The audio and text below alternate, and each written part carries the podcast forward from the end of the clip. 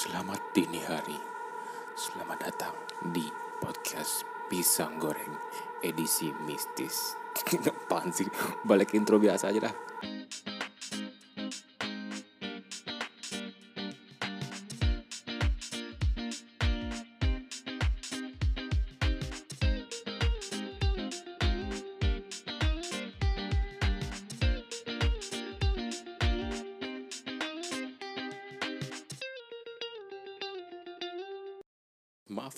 Untuk intro yang sedikit agak terlalu kurang lebih kreatif dan cringe tadi. Ini kepikiran sepintas aja buat melakukan itu karena topiknya gimana ya? Ngeri-ngeri lucu dan konyol nih barangkali yang pernah ngikutin beritanya beberapa waktu yang lalu. Bersama saya Naufal dari Divisi Publikasi, Media, dan Komunikasi Ikatan Psikologi Sosial HIMSI pada dini hari ini, kita akan membahas bersama tentang fenomena babi ngepet. eh, sorry, sorry. Namanya lucu banget. Fenomenanya pun gak kalah lucu. Sebenarnya saya mikir-mikir apakah masih relevan atau enggak ya kita bahas babi ngepet berhubung ini mungkin sudah sekitar dua mingguan hampir masuk dua minggu anniversary ya lah remaja-remaja pacaran aja dua minggu anniversary.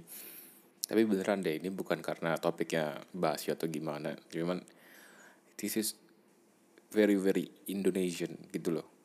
Dan rasanya nih kalau nggak dibahas secara secara apa ya secara unik tapi substansial dan dan dan dan santai gitu rasanya banyak beberapa hal kelewat. Jadi ceritanya ya ini saya agak pamer dan sombong sedikit mohon maaf pemirsa semuanya Kemarin waktu habis diwawancarai oleh salah satu stasiun TV dan kemudian diminta penjelasan oleh Polda Metro, saya sempat memberikan beberapa penjelasan di situ tentang fenomena babi ngepet ini. Hanya saja selagi berbicara di sana itu kayak gimana ya? Rasa takut salah ngomong itu sangat besar sekali karena audiensnya TV sama mungkin nanti di official medianya Polda Metro itu banyak publik yang mungkin tidak bersinggungan dengan ilmu-ilmu psikologi sosial. Dan psikologi sosial saya bilang ini ya jamin deh sangat rentan untuk disalahpahami dan isunya sangat sensitif kalau misalnya kita menyentuh beberapa topik. Misalnya tentang agama ideologi kemudian eh, status ekonomi dan sosial gender dan beberapa hal lainnya itu sensitif. Dan itu kami sadar di psikologi sosial kata-kata kami itu bisa dijadikan justifikasi atau bisa dijadikan kontroversi. Sehingga rasanya saya perlu untuk menguliknya kembali dalam podcast Pisang Goreng ini. Ada apa nih? Ada apa masyarakat Indonesia di tahun 2021 dan ini masyarakat urban juga di Depok urban bukan sih? Itu bisa didebatkan nanti ya apakah Depok itu urban atau bukan. Intinya kenapa masih ada fenomena babi ngepet? Tapi saya bersyukurnya sih fenomena kali ini ditutup dengan happy ending yaitu skeptisme netizen. Si Indonesia membongkar kasus ini dan penyebar berita hoaxnya ditangkap serta masyarakat mendapatkan sebuah kejelasan clarity. Ya, ya, cukup happy ending mungkin ya. Tapi ada beberapa hal yang rasanya uh, perlu digali ulang di sini Oke, untuk sedikit konteks mungkin saya akan menceritakan sepintas tentang apa sih kasus apa nih babi ngepet yang belakangan rame ini. Itu intinya apa sih? Oke, kita mulai ceritanya. Jadi pada suatu hari ada seorang jamaah lapor ke ustadznya bahwa dia kehilangan uang. Dan ustadz ini di hari kemudian mengatakan bahwa ada babi ngepet yang sedang mengambil uang-uang masyarakat sekitar. Dan dia mengajak tujuh orang pria untuk menangkapnya. Dan untuk menangkap babi ngepet ini, mereka butuh untuk tidak mengenakan busana. Jadi ada tujuh bapak-bapak tanpa busana. Sorry ini kalau jadi ada mental imagery yang agak kurang gimana gitu ya. Intinya bapak-bapak yang sedang menangkap babi ngepet ini tanpa busana kayaknya bagian ini skip aja kali ya kita fast forward ke babinya sudah ditangkap lalu keesokan harinya, ini kan tangkapnya malam ya, keesokan harinya dikatakan babinya sudah ketangkap. Bagi keluarga yang merasa kehilangan anggota keluarganya silahkan diklaim. Kalau enggak ini akan kita bunuh dan dikubur gitu. Untuk demi keamanan masyarakat. Wah rame itu di sekitar sana tuh. Orang pada berkumpul kemudian berbincang tentang oh, ada babi apa di kampung kita. Dan di situ ada karakter, ada side karakter lain, seorang ibu-ibu yang mengatakan bahwa dia juga punya pengalaman serupa dengan babi ngepet itu. Bahwa ada tetangganya yang kelihatan tidak kerja, tapi uangnya banyak dan dia sempat melempar pisau ke rumah tetangganya dan kemudian ada apa gitu yang terjadi tuh. Dan dia mengatakan dia yang punya pengobatan alternatif spiritual juga mengatakan ya saya yakin banget nih babi ngepet nih happening banget. Nggak di situ doang tetangga saya juga. Nggak kerja tapi duitnya banyak. Tapi sayangnya atau untungnya peristiwa ini sangat trending di internet. Kecurigaan muncul jadi bercandaan dan akhirnya masyarakat setempat pun jadi mulai penasaran emang beneran babi ngepet atau enggak sih? Saatnya membongkar kuburannya. Diajaklah pihak berwenang polisi kalau nggak salah waktu itu bongkar kuburan di sana. Eh ternyata babinya ya babi aja bukan bukan manusia gitu. Konon katanya babi ngepet itu kalau udah dibunuh dan dikubur nanti dikubur dia jadi manusia lagi yang benerannya yang jadi siluman jadi jadian itu siapa gitu. Dan ternyata ini cuma babi biasa. Ya karena merasa tertipu karena merasa ada sesuatu yang janggal diproseslah ustadz yang nangkap babi ngepet ini Eh ternyata ustadznya mengaku bahwa dia menciptakan cerita kisah legenda babi ngepet ini dengan skenario sedemikian rupa untuk mendapatkan tambahan jamaah biar pada simpatik terus kemudian orang banyak berbondong-bondong ke jamaah taklim majelis taklimnya dia gitu. Nambah jamaah nambah popularitas lah. Ya akhirnya ustadznya ditangkap karena menyebar berita bohong. Kemudian ibu-ibu yang side karakter ini side karakter dia diusir oleh warga setempat karena warga merasa resah atas kedengkiannya yang luar biasa hingga dia sampai tega menuduh tetangganya ngepet. Intinya ini adalah sepintas tentang kisah klinik 4.0 di mana seluruh netizen menjadi penonton dan hakimnya. Luar biasa. Kalau bisa dibilang nih ya sebenarnya membahas ini itu rada-rada sensitif gimana gitu ya. Meskipun endingnya masyarakat bisa skeptis dan bisa mengendus kecurigaannya terhadap hal-hal yang janggal dalam kasus ini. Tapi ini kasus sempat rame, happening, banyak pendukungnya, banyak yang percaya.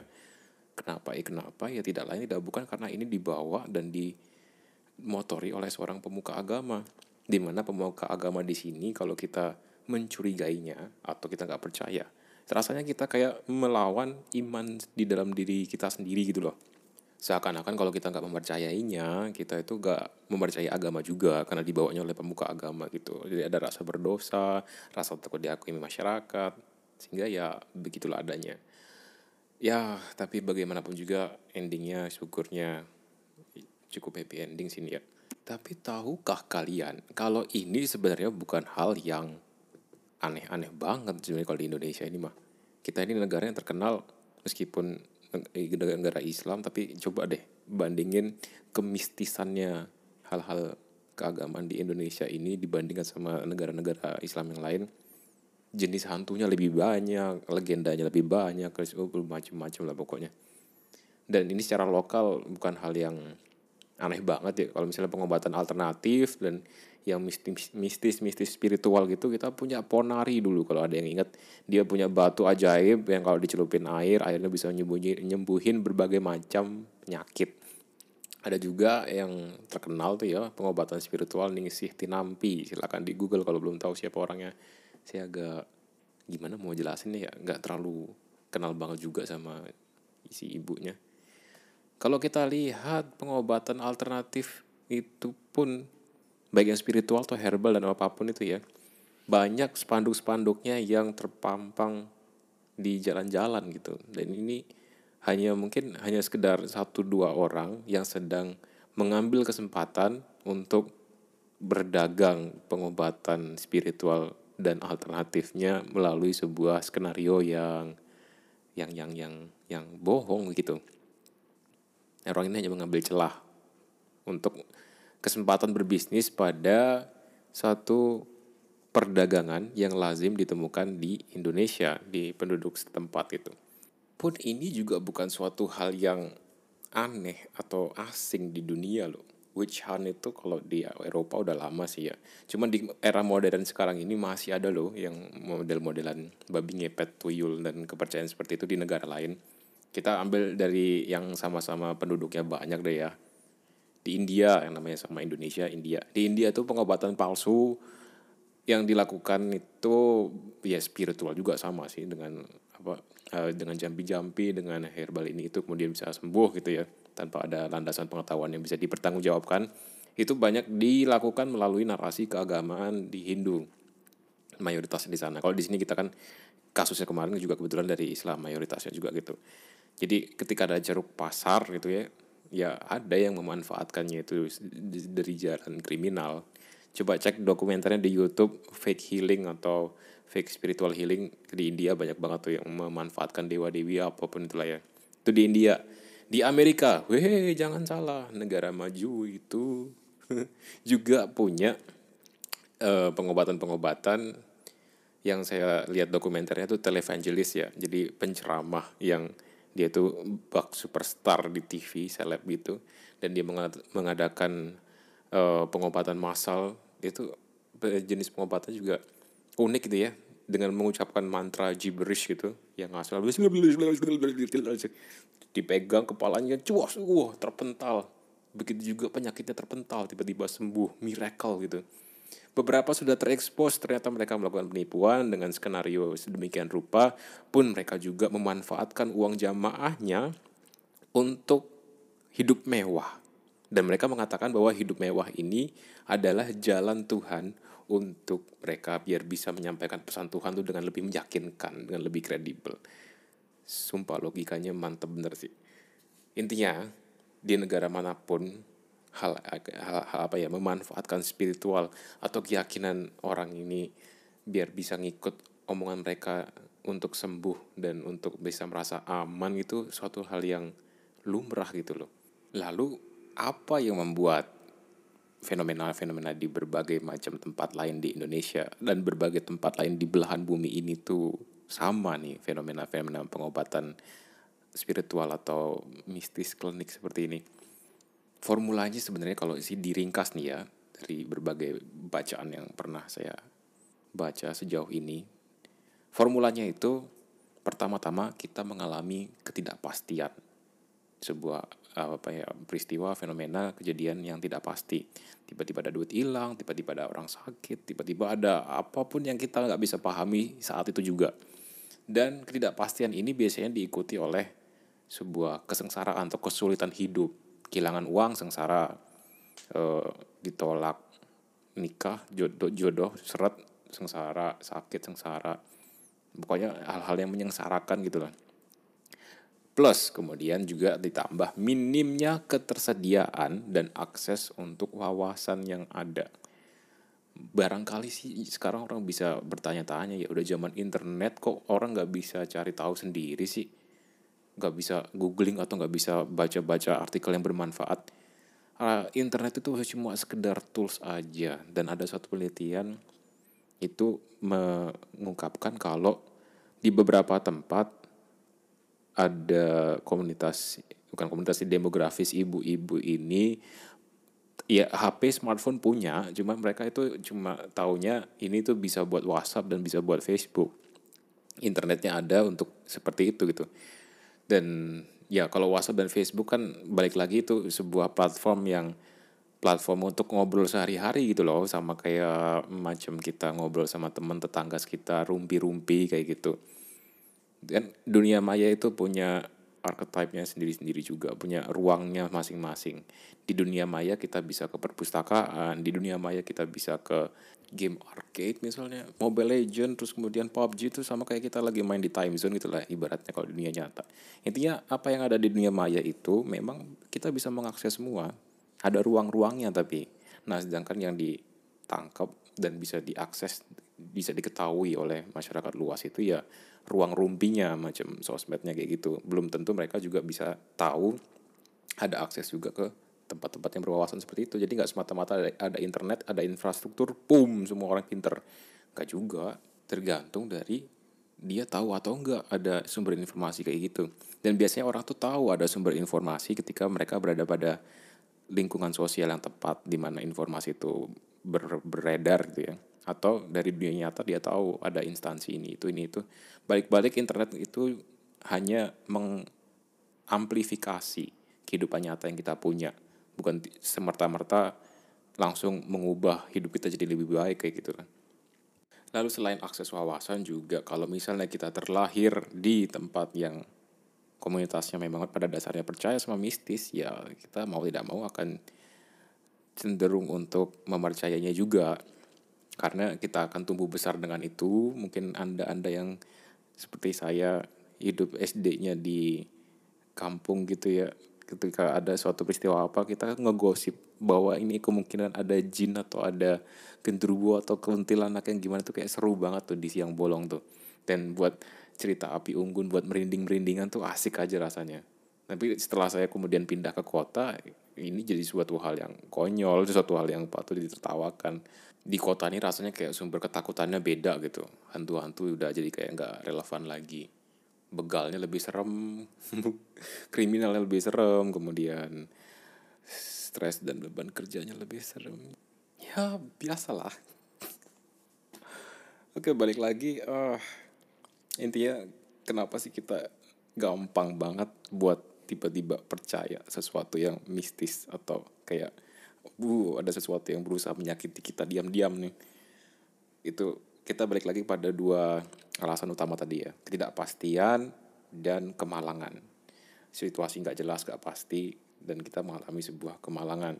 Dan ini kalau kalian lihat polanya polanya kayak konsisten banget gitu.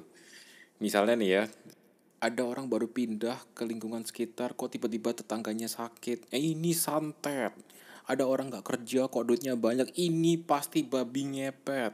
Ada cowok jelek dan kiri kok pacarnya cakep ini pasti pakai pelet.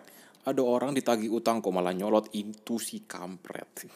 Jadi ya joking aside, meskipun gak lucu tadi sorry. Kalau kita dirundung kemalangan, tapi kita sendiri juga nggak tahu cara mengatasinya gimana dan kenapa itu terjadi, ada sebuah mekanisme yang akan membuat kita itu jadi bitter gitu ya, jadi nyinyir lah istilahnya. Jadi prasangka sana prasangka sini dugaan bahwa oh, ini pasti ada hal spiritual yang mempengaruhi hidupku. Atau ini pasti kerjaan globalis yang ingin menghancurkan saya dan bangsa saya. Banyak sih hal-hal yang bisa kita pikirkan jadi penyebab atau gara-garanya kenapa hidup kita sengsara ini ya. Ini kalau di dalam kajian psikologi sosial disebutnya konspirasi belief yang nyambung sama itu specifically kalau kita masuk ke yang klinik-klinik kayak gini itu masuk ke paranormal beliefs. Dan di sini saya jadi keinget nih satu jurnal yang saya pakai di dalam tesis saya beberapa tahun silam bahwa ternyata kepercayaan-kepercayaan yang unik aneh kayak gini dan bitter nyinyir kayak gini nih specifically kalau kita bicara konspirasi teoris gitu ya itu dimotori oleh percaya atau nggak percaya rasa bosan yang dikombinasikan dengan paranoia. Jadi orang yang saking banyaknya waktu luang gitu ya plus dia itu paranoid sedang merasa takut nggak jelas bahwa ada yang mau me, me, me, menyiksa atau menghancurkan menyakiti dirinya. Kepercayaannya itu mulai ke mana-mana utamanya ke kepercayaan konspirasi konspirasi Illuminati, konspirasi nyebut globalis jadi gak enak nyinggung seseorang. Kemudian uh, kepercayaan bahwa ada alien yang sedang mempengaruhi hidup manusia pun termasuk ini berkorelasi kuat dengan paranormal beliefs di sini. Dan itu memang tipikalnya baik itu yang konspirasi atau yang paranormal beliefs ini itu uh, adalah orang-orang yang ditemukan mereka yang sering melakukan kesalahan conjunction fallacy atau melakukan error dalam probabilistic reasoning. Singkat cerita, mereka ini adalah orang-orang yang memasukkan variabel-variabel atau alasan-alasan yang di luar nalar, di luar pakem saintifik yang ada gitu. Karena mereka merasakan kalau ada kekuatan yang tidak bisa dijelaskan oleh nalar, nalar sehat gitu. Nah kita yang dengar keyakinan kepercayaan aneh-aneh kayak gitu jadi mikir ya apakah ini beneran memang ada sesuatu di luar nalar sehat atau sebenarnya nalar sehat kamu yang sedang tidak baik-baik saja. Oke oke. Saya di sini mau menutup podcast ini dengan sebuah dugaan, sebuah postulat sebuah pandangan subjektif yang tidak mewakili tempat instansi saya bekerja maupun IPS HIMSI ini pure benar-benar permainan otak saya saja. Tolong jangan dihakimi. Enggak tapi saya mikir kayak gini loh. Uh, orang itu merasa berjarak atau anti terhadap penjelasan saintifik atau penjelasan yang uh, masuk akal itu bukan karena mereka bebal atau bodoh bukan karena bukan juga karena mereka beriman. Kita lihat orang beriman itu pada pinter-pinter sekarang ini ya saya merasa dan mencurigai bahwa bahwasannya bahwa apa sih serius amat? Tapi gini loh bisa jadi nih ya orang-orang yang punya keyakinan aneh-aneh seperti itu atau orang yang sampai kayak delusional gitu dalam meyakini hal-hal kayak gitu bisa jadi karena mereka ini nggak pernah merasa diterima sama scientific community. Nggak merasa bahwa mereka menjadi bagian dari orang-orang yang pinter gitu ya. Merasa orang pinter itu berjarak gitu. Kayak wah orang pinter itu liberal hidupnya bebas kok kayak kaya kaya kayak pergaulannya pergaulannya asik gitu ya. Sedangkan saya apa bakal, bakal dianggap sama mereka. Merasa berjarak kayak gitu dengan orang-orang terdidik ngerasa nggak dianggap nggak dirangkul atau bahkan pernah mengalami bullying atau pernah direndahkan kayak gitu ya. Jadi untuk membangun self esteem dan pride-nya di hadapan para intelektual ini ya caranya dengan mengambil suatu dunia yang tidak dikuasai oleh orang intelektual tersebut. Apa itu dunia mistis? Kalian gak mendalami ini kan? Saya yang tahu, ya. Saya yang tahu. Kalian gak bisa memahami ini, ini di luar nalar kalian. Jadi dengan memahami hal, -hal seperti itu, dia serasa punya sebuah self esteem sendiri, sebuah pendongkrak pride-nya lagi dan dia bisa kayak head to head dengan scientific inquiry yang mereka punya gitu. Alih-alih daripada merasa berjarak dan dikalahkan sekarang dia punya sebuah sistem pengetahuan sendiri untuk melawan gitu. Sehingga dia bisa merasa equal atau bahkan lebih daripada orang yang sempat menyisihkannya nggak nganggap dia atau membuat dia merasa kalah gitu alih-alih daripada ini tentang pendidikan dan akses informasi bisa jadi ini hanya sekedar masalah pertemanan saja. Kan? Mungkin gak sih? Apakah sudah ada penelitian seperti ini atau belum? Harusnya saya bisa membaca lebih nih ya. Tapi itu hanya penerkaan saya saja dari perspektif psikologi sosial. Dan itu juga membuat saya terkagum-kagum. Bisa juga ya ternyata rasa diasingkan, rasa diabaikan bikin kita jadi percaya hal-hal kayak gitu gitu loh bisa jadi saya salah, bisa jadi saya benar, namanya juga pendapat subjektif yang tidak mewakili oleh instansi di mana pun saya bekerja dan tidak mewakili IPS juga, ya. Oke, mungkin eh, oh, peristiwa lagi, apa namanya? Ya, podcast ini episodenya sampai sini dulu. Sungguh sebuah saat yang menyenangkan menemani Anda di dini hari. Yang mungkin gak tahu siapa yang akses di dini hari kalau saya upload ini ya sebentar lagi waktu sahur dan selamat menjalankan ibadah puasa yang tinggal sebentar lagi. Semoga bisa dimanfaatkan sebaik-baiknya. Dan selamat menyambut libur yang cukup panjang setelah ini buat semuanya. Sampai jumpa di episode berikutnya. Dadah